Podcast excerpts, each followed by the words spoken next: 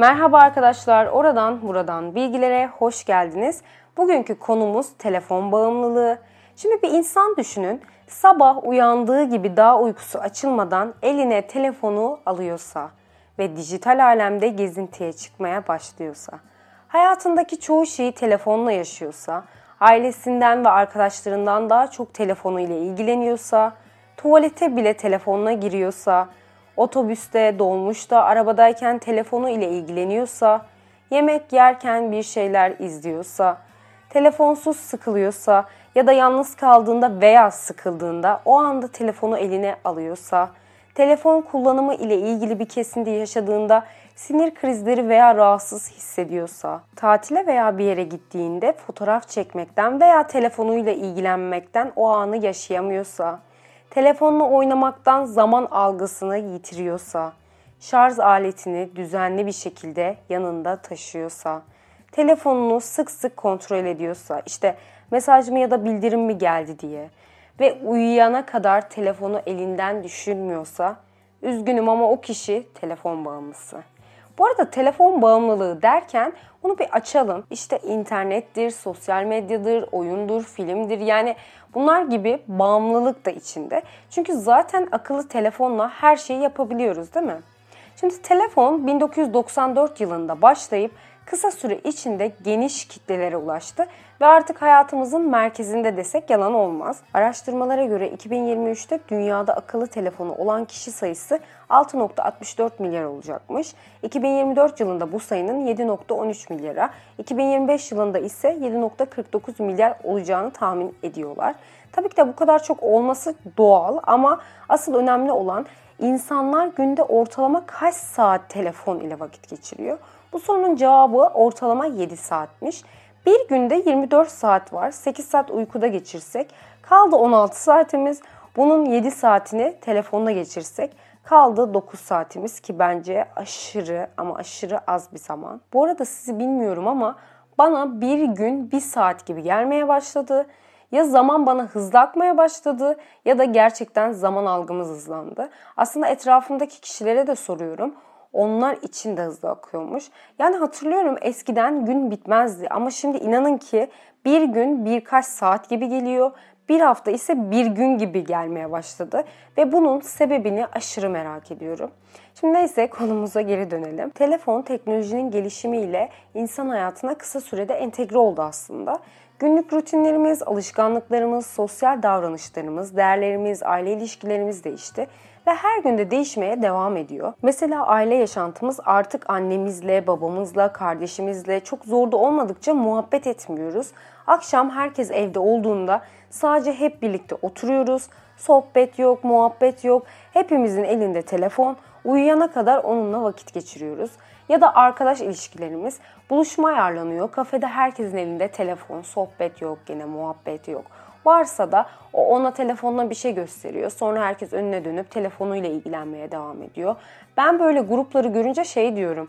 Galiba sırf telefonla oynamak için bir ara gelmişler. Bir de en çok güldüğüm şeyi anlatmak istiyorum. YouTube'da YouTuber'ların çektiği vlogları izliyorum. İşte arkadaşlarıyla birlikte tatile falan gitmişler.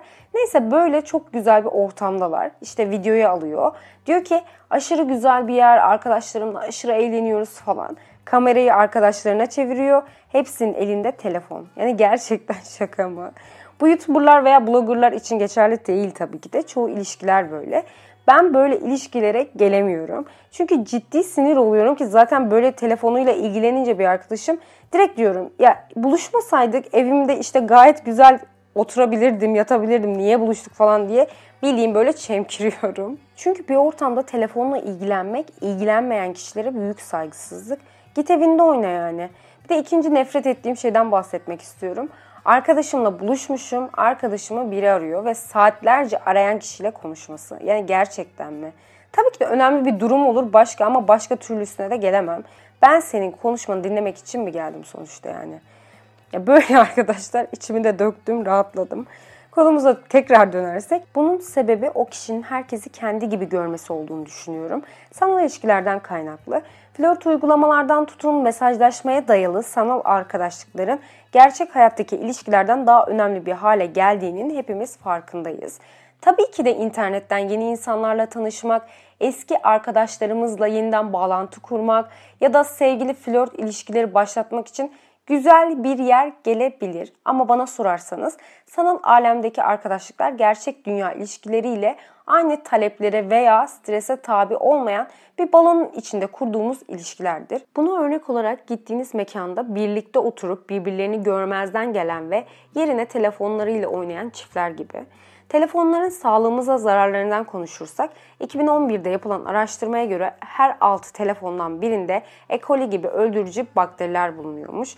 Nedeni de telefonun her yerde bulunmasından kaynaklı.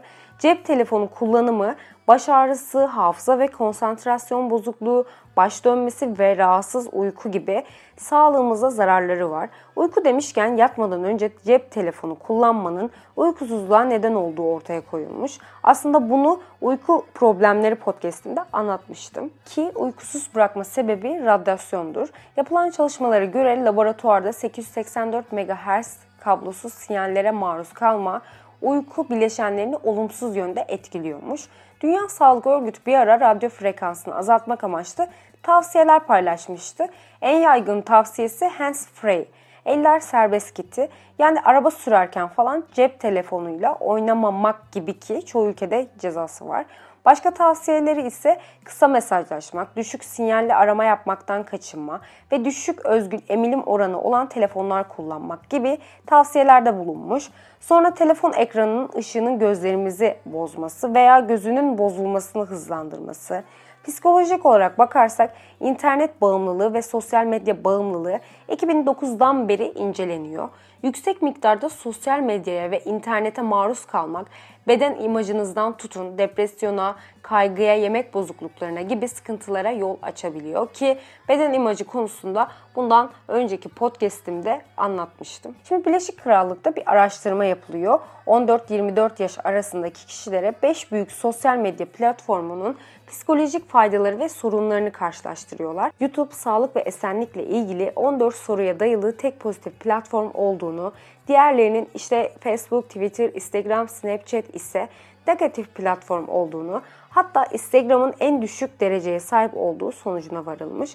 Yani Instagram uykusuz kalmada beden imajından psikolojik olarak kötü etkileyen platform seçilmiş. 2018'de Klinik Psikoloji Bilimi tarafından yayınlanan rapora göre 1 milyona yakın Amerika lise öğrencisinin medya kullanımı arttıkça daha yüksek depresif belirtileri ve intihara eğilimi oranı ile ilgili ilişki bulmuşlar. İnsanlar özellikle gençler boş zamanlarının çoğunu telefonla vakit geçiriyorlarmış ki haftada 10 saatten fazla sosyal medyada zaman geçiren kişiler diğer kişilere göre %56 daha mutsuzmuş. Bazen küçük çocuklara ve gençlere çok üzülüyorum ve kendimi de çok şanslı görüyorum. Nedeni küçükken ergenken vaktimi hep dışarıda oyun oynayarak veya arkadaşlarımla oturarak geçirirdim ki şunu da belirteyim çok oyun oynamayı seven bir tipte değildim. Gene de dışarı çıkardık işte sosyalleşirdik. Şu an bizim oturduğumuz yerde bir tane çocuk görmüyorum. Ya bilgisayarla oyun oynuyorlar ya da telefonla bir şeyler yapıyorlar herhalde. E bu olunca iletişim becerileri zayıf, asosyal kişilere dönüşüyorlar. Bu arada bu söylediğim durum artık her yaş grubuna hitap ediyor. Yüz yüze sosyal etkileşimimiz gün geçtikçe azalıyor ve bu da psikolojik olarak etkiliyor. Örneğin yapılan araştırmalara göre cep telefonunun aşırı kullanımıyla ortaya çıkan davranışsal bağımlılığın işte mesela kumar oynamak gibi yalnızlığa yol açabileceğini, aile ve arkadaşları ile çatışmaya yol açabileceğini ve potansiyel olarak sosyal desteği azaltabileceğini bulmuşlar. Kısacası dijital bağımlılık psikolojik olarak yüksek kaygı, düşük benlik saygısı, stres, endişe ve depresyona sürüklüyormuş. Bazı kişilere abartı gelebilir ama cep telefona sahip olamamaktan kaynaklanan fobi bile var. Bu fobinin adı nomofobi yani mobil yok fobisi. Nomofobi bireyin telefonuna erişememe korkusuyla yaşadığı kaygıdır. Bu fobi uyuşturucu bağımlılığıyla birçok ortak özelliği var ki tüketici araştırmaları dergisinde yazılan bir yazı şöyle. Cep telefonları muhtemelen 21. yüzyılın en büyük uyuşturucu dışı bağımlılığı olduğunu ve üniversite öğrencilerinin her gün 9 saate kadar vakit geçirebildiklerini ve bunun da bağımlılığa yol açabileceğini iddia ediyor. Peki telefon bağımlılığından nasıl kurtuluruz? Şimdi 2019'da Dünya Sağlık Örgütü 0-5 yaş grubu için ekran süresi belirlemiş. 0-1 yaş grubu doğal olarak ekrana bakma süresi 0. 2-5 yaş için ise 1 saat diye tavsiyelerde bulunmuş. Siz de kendinize mümkün olduğu kadar kısıtlayabilirsiniz. Tristan Harris, akıllı telefon bağımlılığı aktivisti, kişilerin telefon ekranını gri renkli moda çevirmelerini tavsiye ediyor. Nedeni bir süre sonra ekrana bakmak sıkıcı olmaya başlıyormuş. Başka tavsiye olarak ara sıra uçak modunun açılması, hücresel veri veya Wi-Fi'nin kapatılması ya da direkt telefonu kapatmak, belirli uygulamaların kaldırılması gibi seçenekler var. Sabah uyanır uyanmaz ilk 10 dakika veya bu süreyi uzatarak telefonunuza bakmayabilirsiniz ve bunu alışkanlık haline getirebilirsiniz. Yatağınıza girdiğiniz an telefonu bırakmaya çalışın ve kendinizde ödül ceza oyunu oynayın. Mesela az vakit geçirdiğinizde kendinizi ödüllendirin. Yemek olur, kıyafet olur ki bu olaya olumlu öz pekiştirme denilir. Cezayı da aynı şekilde telefonunuzda çok vakit geçirdiğinizde kendinize ceza verin. Aslında her şey zihinde bitiyor. Eğer irademiz varsa mutlaka bir çıkış yolu da oluyor. Eğer telefon kullanımını azaltmak istiyorsanız kendinize güvenmekle başlayabilirsiniz. Anlatacaklarım bu kadardı arkadaşlar. Bir sonraki podcast'imde görüşmek dileğiyle. Hoşçakalın. Kendinize çok iyi bakın.